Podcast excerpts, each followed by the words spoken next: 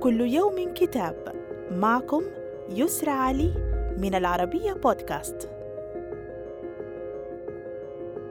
نتناول اليوم كتاب مختارات من وثائق الإدارتين البريطانيتين في برقة وطرابلس الغرب للباحث الليبي محمد علي حمامة. يضم الكتاب 400 وثيقة من مراسلات وتقارير ضباط وموظفي الحكومة البريطانية إبان فترة الأربعينات من القرن الماضي وخلال اندلاع الحرب العالمية الثانية وحتى بداية الخمسينات.